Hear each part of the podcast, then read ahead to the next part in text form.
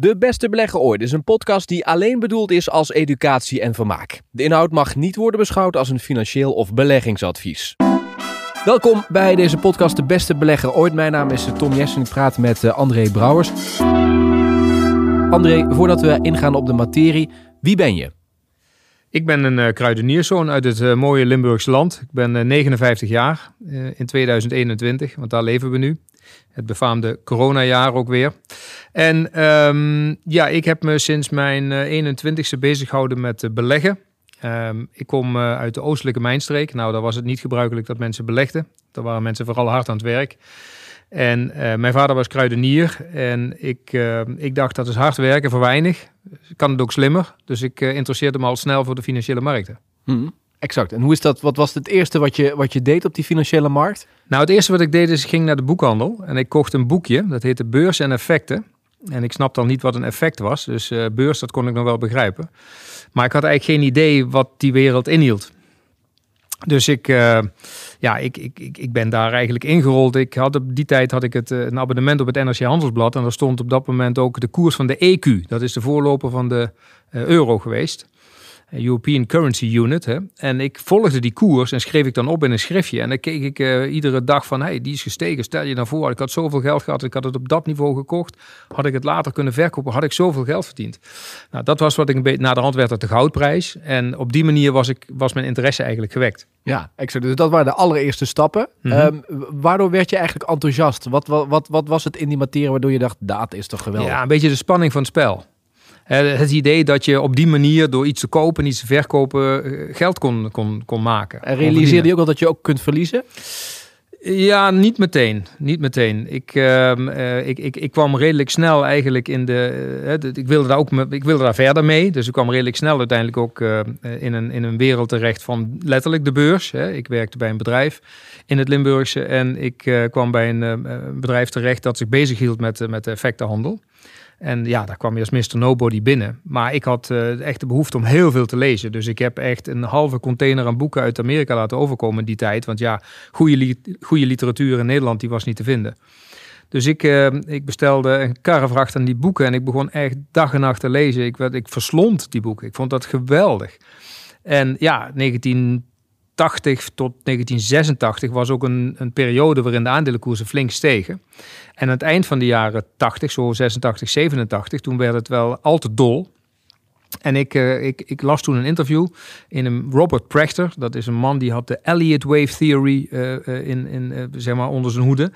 En de Elliott Wave, Elliott was een Amerikaan. En die, die bedacht dat, die, die werd ziek in begin jaren van de 20e eeuw moet ik zeggen, 1920 kwam die in ziekbed. En die vroeg aan zijn vriend, stuur mij eens uh, allerlei grafieken op van, van aandelen. En dan ga ik daar eens naar kijken. En die man die meende de blauwdruk gevonden te hebben, het, uh, ja, zeg maar, de blauwdruk voor hoe markten bewegen. Die, de Elliott Wave, de golftheorie zeg maar. Hè. En uh, ja, dat boeide mij enorm. Die zei van, joh, een, een stijging die gaat altijd in vijven. Hè? Dus golf 1 omhoog, golf 2 is een correctiegolf, 3 is weer omhoog, 4 is weer een correctie. Dan heb je een vijfde golf en dan is de stijging voorbij en dan krijg je een grotere consolidatiegolf. En het idiote was dat die meneer Prechter, die, uh, die had in 1987 in de Dow Jones Journal, die las ik uh, op dat moment, had daar een voorspelling gedaan in augustus. En die zei de Dow Jones index toen, die zal stoppen op, als ik me niet vergis, iets van 2600 punten of zoiets. Maar dan helemaal precies op de puntkomma afgerond. En wat bleek, augustus, op, op 10 punten na of zoiets, had hij, had hij de top voorspeld. Ik dacht van, ja, dat kan eigenlijk helemaal niet. Maar dat boeide mij natuurlijk enorm. En toen, uh, toen had hij als voorspelling daarbij dat daarna zouden de markten uh, crashen. Nou, augustus, kijk maar in je grafiek, augustus 87 was de top. En 19 oktober 1987 was de befaamde crash. Ja. Toen crashte de aandelenmarkt met 21 procent. Het is geluk dat hij dat zo heeft voorspeld. Ja, dat zou je denken, maar dat was niet zo. Want hij had het heel erg goed onderbouwd. En daar zat ook een heel boekwerk achter, met, waar die theorie in, in, in benoemd wordt. Overigens gebruik ik dat nog vaker in trainingen ook. Want ik, ik, ik zeg wel eens, sta je wel eens voor de spiegel, Tom? Nee, wie niet? Ja. ja. Weet je waar jouw navel zit? Nou, ik, ik denk dat wel te weten. Ja, ja, precies. Het grappige is, als je nou naar je navel kijkt en je kijkt naar je kruin... en je ja. meet de afstand van je, van je haren zeg maar, naar je navel...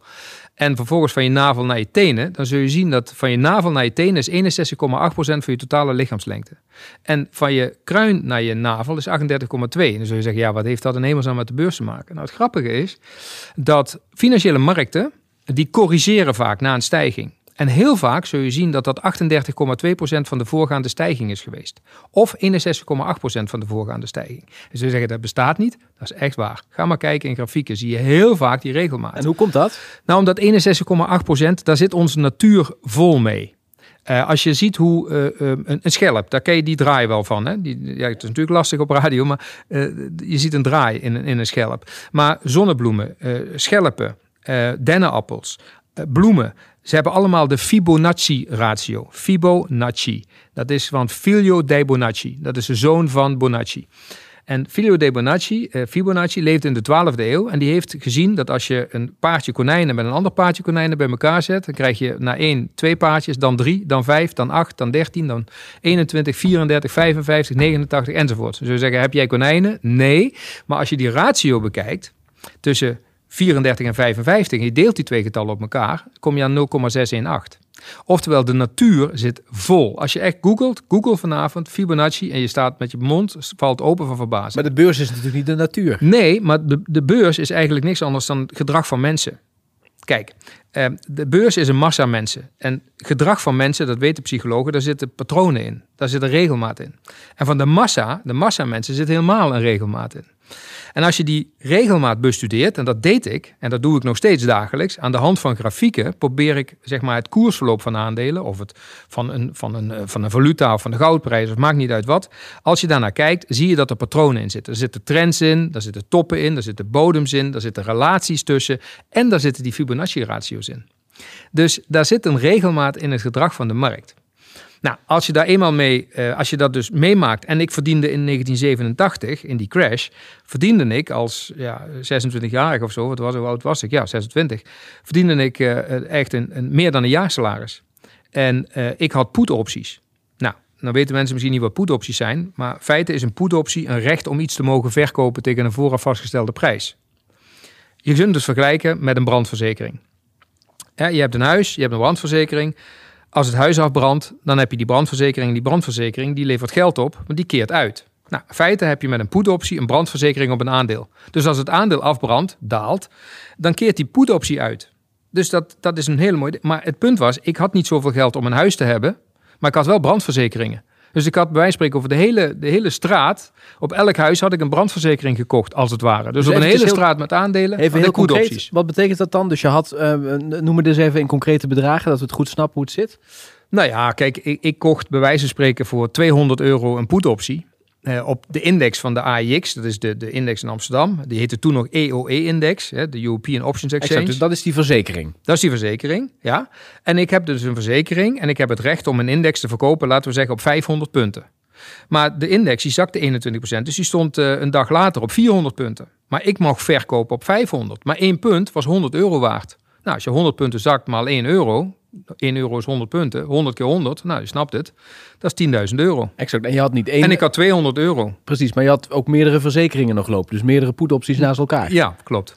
Ja, maar dat is best al voor op 26 jaar, is dat, dat bestaat nog steeds hè, put-opties. Ja, hè? ja, ja, ja. Sterker nog, dat komt uit de tijd van de VOC. Hè. Daar werden destijds met scheepsladingen naar, naar, naar, de, naar Indië, werden scheepsladingen werden, werden verzekerd als het ware. Hè. Dus de VOC is de uitvinder van put-opties. Overigens is het eerste aandeel in Nederland. Misschien, of, uh, misschien weten mensen het niet, maar het eerste aandeel is een Nederlandse uitvinding. Ja, Oké. 1606, eerste aandeel. Juist. André, jij bent, we, en we gaan in deze eh, podcast gaan we eventjes kijken wat je allemaal gedaan hebt, want je, dit is het begin.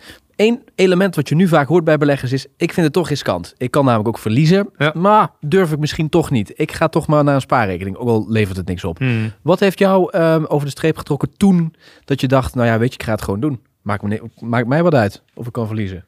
Ja, misschien is dat een beetje de jonge, de jonge overmoed. Uh, je bent jong en je vindt de spanning. Je hebt niet zo heel veel geld. En je denkt, jeetje, dit is toch wel... Ja, dit was de spanning van het spel. De mogelijkheid om te kunnen winnen. Um, ja, ik was er ook wel redelijk fanatiek in. Ik ben met veel dingen fanatiek, zeker ook met sport. Nou, dit, dit was er één van. Hè. Dit, was, dit was op een ander niveau en op een andere manier. Maar ik vond dat gewoon, ja, ik vond dat gewoon spannend. En ik Wat is er misgegaan in die tijd? Wat ging niet goed? Nou, kijk, ik, het feit dat ik meteen succes had, was natuurlijk eigenlijk killing. Want ik dacht dat ik God was. Eh, groter dan God zelfs. Want ja, je moet je voorstellen, je begint met relatief weinig en er komt zo'n crash. Iedereen om mij heen lag te janken, want die mensen verloren ontzettend veel geld. Hè. Vergeet dat niet. Er waren heel veel mensen die hadden echt zware problemen. Maar jij niet, omdat je die Nou ja, verzekering- ik had, ik, had alleen, ik had geen huis wat ik moest verzekeren. Nogmaals, ik had alleen brandverzekeringen. En de hele straat brandde af. En ik kreeg al die premies uitgekeerd. Nou, hoe leuk kan het zijn? Eh, dus ik had tranen in de ogen van geluk. Maar die mensen dachten dat ik met ze mee stond te janken. Eh, ja, dat is een heel, heel maf idee was dat ook. Hè? Maar eh, op het moment dat je dat dan overkomt... Ja, dan denk je, ik ben groter dan God. En ik ging casino-gedrag vertonen. Dus wat doe jij als je in een casino komt en je wint? Ja, dan ga je nog meer uitgeven. Ja, je, precies. Je, je hebt de ronde bij, bij roulette. Hè. Dan begin je in één keer, denk je, nou, nummertje 13 is leuk, nummertje 21, nummertje 14. Ik zet ook op, eh, op, op, op rood en dan nog een beetje op oneven. Nou, huppatee, vet voor je, monsieur en madame. Hè, dus speel je spel. En vervolgens, ja, ehm, ja, hup, weg. Nou, volgende ronde. Nou, en ik keek drie rondes later en ik dacht van, verdulle me, nou had ik zoveel winst. En dan ben ik, dan ben ik meer dan helft ben ik weer kwijt na een paar rondjes spelen. Want ik dacht echt dat ik het snapte. Nou, Wel een snapte goede les dan, toen. ja, absoluut, absoluut. Hè, maar ja, dat is, dat, is, dat is wel herkenbaar. Dus het, ik, ik merkte toen wel al dat zeg maar, de psychologie hè, van, van mijzelf, hoe, ik mij, hoe ik acteerde in die wereld, dat dat een enorm grote factor zou zijn. Hè, dus dat had ik wel snel in de gaten. En ging dit nou, moest je hiervoor fysiek naar een plek toe? Of ging dit ook wel destijds, ja, ik kan me niet voorstellen, Nou, in die tijd, nee, nee, in die tijd hadden we nog geen internet natuurlijk. Hè, we praten over 1987. Hoe ging dat dan? Met de post of zo? Nee, nou, je kreeg wel de bankafschriften per Oh, post, ja. dat wel. Nee, maar je belde de bank. En eh, dan belde je iemand, een medewerker van de bank. En dan zei je, ik wil graag kopen 10 poets, eh uitoefenprijs 500, premie 2, 2 euro. En dan legde je zo'n order, gaf je dan mee. Dan, luister, dan, dan, dan benoemde die man aan de andere kant van de lijn, die zei, oké, dus we gaan kopen voor u, acheté, hè, kopen, eh 10, ko- om niet de verwarring te krijgen. Dus we gaan kopen 10 calls, of 10 poets eh, eh, eh, EOW, looptijd eh, oktober eh, 1987, eh, die en die uitoefenprijs. En die en die premie. Gaat u daarmee akkoord? Ja, nou, dan was die order gedaan en dan ging je naar de volgende De order. prehistorie dit. Dat kun je is, me helemaal eh, niet meer is voorstellen. prehistorie, ja, Er zat absoluut. iemand echt, eh, dat, is- dat zat niet ja. alleen voor jou te doen, maar ook voor heel veel anderen. Zeker. Ja, en die waren daar speciaal voor opgeleid, die mensen. Ja. En hoe kon je dan inzien wat je had? Dat moest je zelf bijhouden. Ja, dat hield je, in principe hield je dat destijds bij. Er waren wel, er was wel de eerste stukjes software waren er wel, waar je dan je portefeuille als het ware kon bijhouden. Dus dat dan weer wel. Eh, maar dat had je dan, dan moest je met een modem, haalde je s'avonds de koers over, eh, Tom. Dat is een ander echt prehistorie. Dan hoorde je zo'n modem en dan kwamen er koersjes in je scherm. En dan had je je softwarepakketje eh, up-to-date. Ja, daar betaalde je dan ook weer grof geld voor overigens hoor. Dat was best wel duur. Hoe is het daarna verder gegaan? Want je bent verder gegaan op het professionele pad. hè? Zeker. Ja, ik ben uiteindelijk eh, eh, bij persbureau Reuters terechtgekomen. Nou, dat is jou waarschijnlijk ook wel Heel bekend. bekend, hè, ja. Bij persbureau. En ik eh, heb daar eh trading systemen en andere systemen verkocht voor de financiële wereld. Dus ik kwam eigenlijk op de, op de, nou ja, op de grachtengordel in Amsterdam. Ik moest verhuizen. Dat zijn die systemen waar je in kunt zien wat het koersverloop ja, is. et exact. Maar met alle nieuws en specialistische systemen voor de financiële wereld. Dus alle grote banken, vermogensbeheerders, institutionele beleggers. Ik kwam overal binnen, want ik zag, ja, ik moest daar die systemen afleveren en installeren. En bij sommigen moest ik ze ook nog toelichten wat ze dan zagen.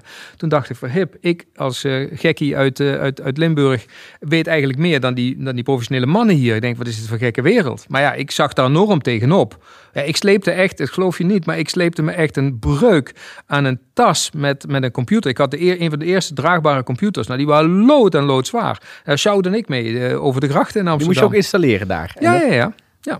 Hey, en dat, had- dat, dat- dus je kwam eigenlijk in no time ook in contact met eigenlijk de hoofdrolspelers Ja. in die wereld. Klopt. Wat, wat, waar ging je allemaal langs? Wat waren dat voor bedrijven? Ja, wat ik al zeg, eh, pensioenfondsen, eh, vermogensbeheerders, banken, eh, ja, dat soort, dat soort werk. Ja. Ja. Want overal staan die systemen nu ook. Hè. Ja. Overal staan Bloomberg terminals of Reuters terminals. Ja, ik weet bij BNR inderdaad hebben ze hem ook Nou, staan inderdaad. bijvoorbeeld, ja. Wat, wat ben je na Reuters gaan doen? En toen werd ik gevraagd door een hedgefund in, Amst- in Rotterdam. Eh, ik woonde toen net in, eh, in de buurt van Amsterdam. En ik moest toen verhuizen, want ja, Rotterdam eh, was een handelsbedrijf. En dat was met name in de commodities actief, in de grondstoffen. Sojabonen, mais, tarwe, koffie, cacao, suiker. Die handelden in van alles en nog wat.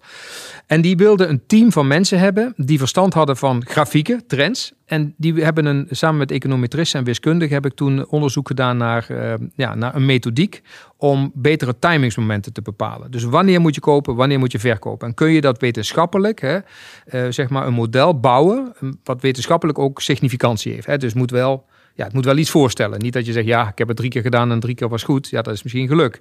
Maar als je iets 300 keer, 3000 keer of 30.000 keer doet, ja, dan is de factor geluk natuurlijk niet meer aanwezig. Dus we hebben daar een, uiteindelijk, eh, zeker niet mijn verdienste per se geweest, maar vooral van die knappe koppen, hè, die dat allemaal wetenschappelijk ook konden, konden beoordelen, eh, hebben, we, ehm, hebben die methodiek, eh, zeg maar, gebouwd. En ja, dat fonds, in dit geval genaamd Transtrend, dat bestaat nog steeds. Is onderdeel van Robeco geworden uiteindelijk. En ik, eh, ja, ik heb daar slechts een paar jaar gewerkt. Maar ik heb wel aan het begin meegeholpen om die strategieën mede te ontwikkelen. En dat, was, dat was fantastisch. Want ik, ik kreeg daarmee een gevoel ook van... Hey, zie je nou wel, het kan. Hè? Je hebt de mogelijkheid als je het goed aanpakt... en je hebt een goede methodiek... en je hebt de juiste money management... en de juiste mindset... ben je meteen bij de 3M's waar we nu les in geven.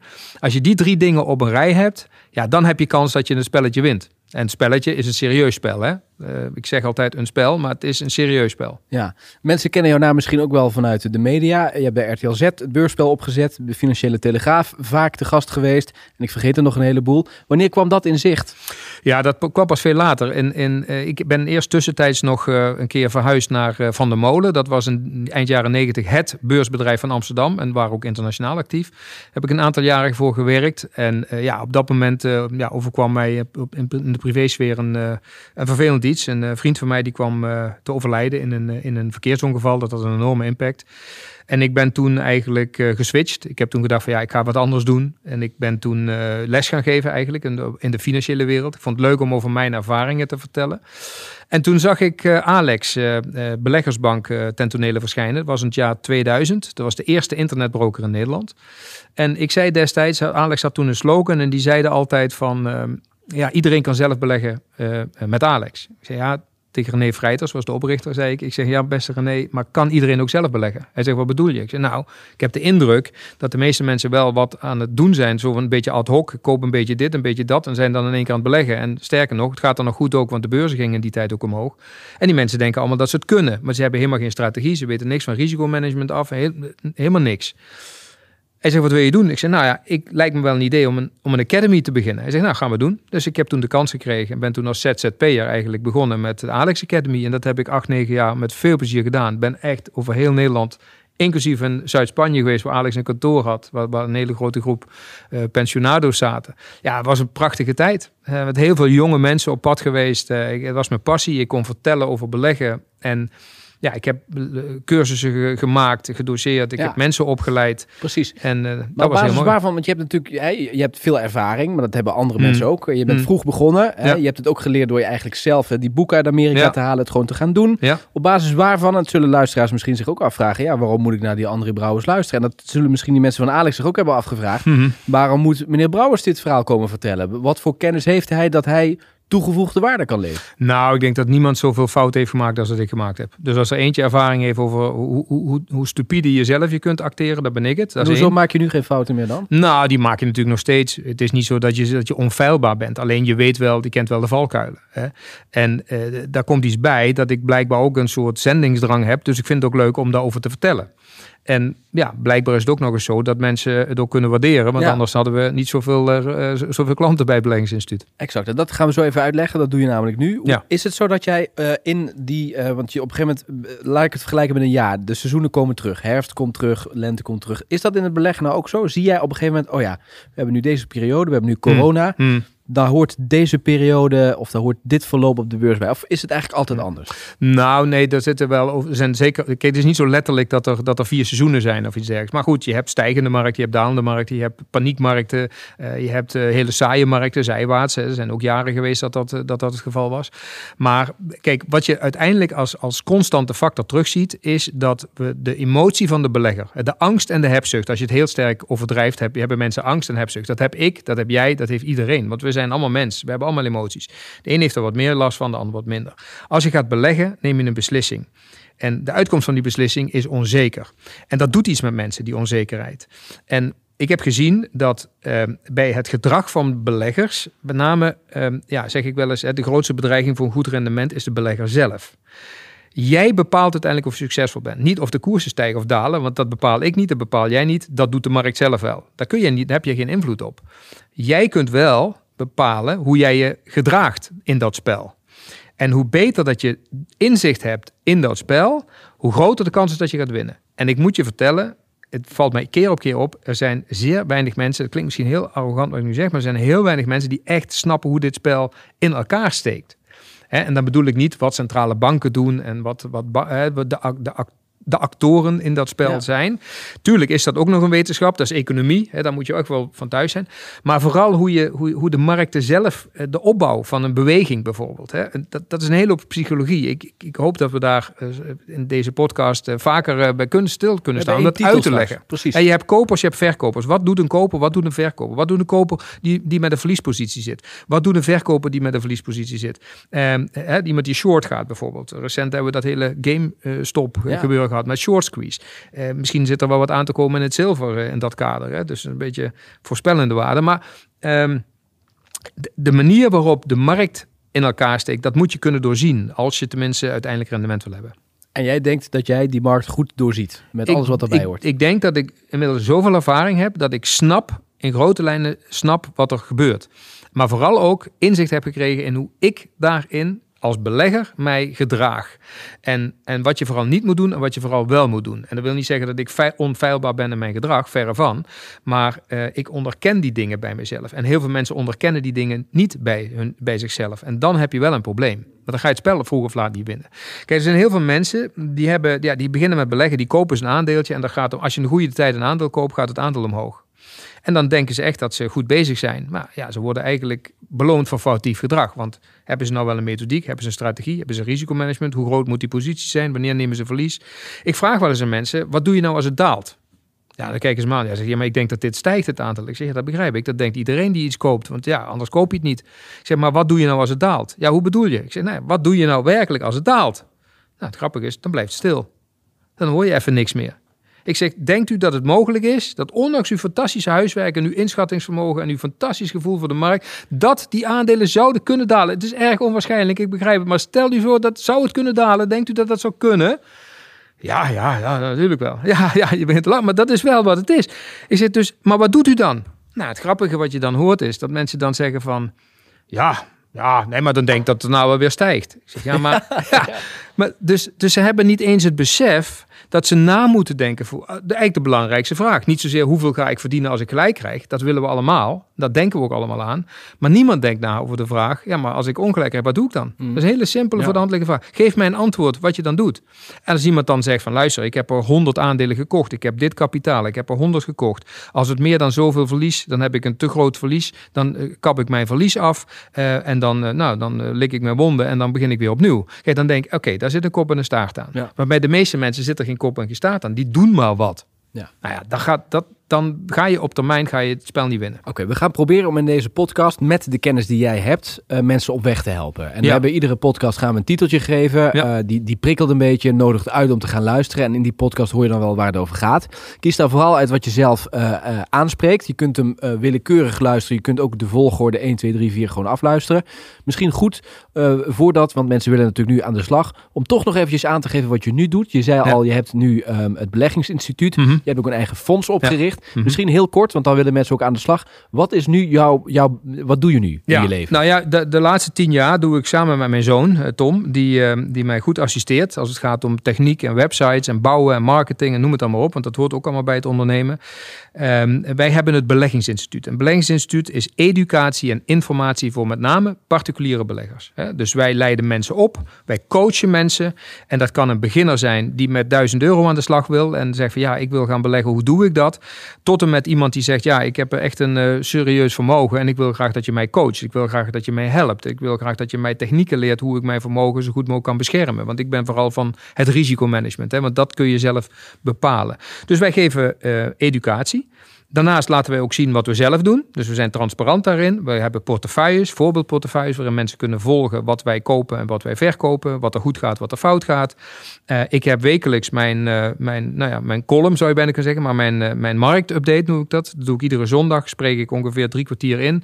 Behandel ik alle ontwikkelingen van de afgelopen week en mijn visie voor de komende week. Ik geef aan welke aandelen interessant zijn, wat ik verwacht bij de, bij de, bij de Dow Jones, bij de Nasdaq, bij de, bij de goudprijs, bij de dollar dollar bij de AIX, bij, de, bij 10, 15 aandelen uit Amsterdam en de belangrijkste in Amerika. Ik bespreek een stukje het nieuws. nou ja, een compleet verhaal. En ehm, ja, dat, daar hebben we een hele loyale en, en, en, en, leuke groep mensen die dat al een hele tijd volgt. En ja, iedereen is welkom om dat, om dat, uh, om dat mee te doen. En um, ja, dus dat is wat we doen. Nou, nu doe ik veel digitaal. In het verleden gaf ik veel les. Vind ik het leuk om met mensen in een, in een zaal ja, les te geven. Nou, mijn eigen fysiek uh, laat de afgelopen jaren wat te wensen over. Dus dat levert wat beperkingen op. En ik doe dus nu wat meer digitaal. En gelukkig is daar de podcast. En gelukkig is daar de podcast. Nou ja, dat was mede een idee van jouw kant. En ik vond het leuk dat je mij daar ook uh, voor benaderde. En ik dacht van ja, waarom eigenlijk niet? Want uh, ja, goed praten gaat me over het algemeen iets makkelijker af dan schrijven, moet ik eerlijk bekennen. Ik ben ook, we zijn ook bezig met een boek. Maar dat vind ik nog steeds wel, uh, dat kost veel energie. Maar praten vind ik leuk. En jij bent een goede interviewer. Dus ik hoop dat dit een uh, leuk, leuke podcast voor mensen gaat worden. Kijk, Waar ze we... veel van kunnen leren, Precies, denk ik. dat gaan we proberen. Ehm, laat je reactie achter door een mailtje te sturen naar het adres dat in de beschrijving staat. Tot zover deze eerste introductiepodcast van de beste belegger ooit. In de volgende aflevering gaan we echt fysiek aan de slag. Ik hoop dat je die ook luistert. Abonneer je op dit kanaal en laat een recensie achter in de beschrijving. André, dank voor dit moment en ja, tot de volgende graag keer. Graag gedaan. Bye.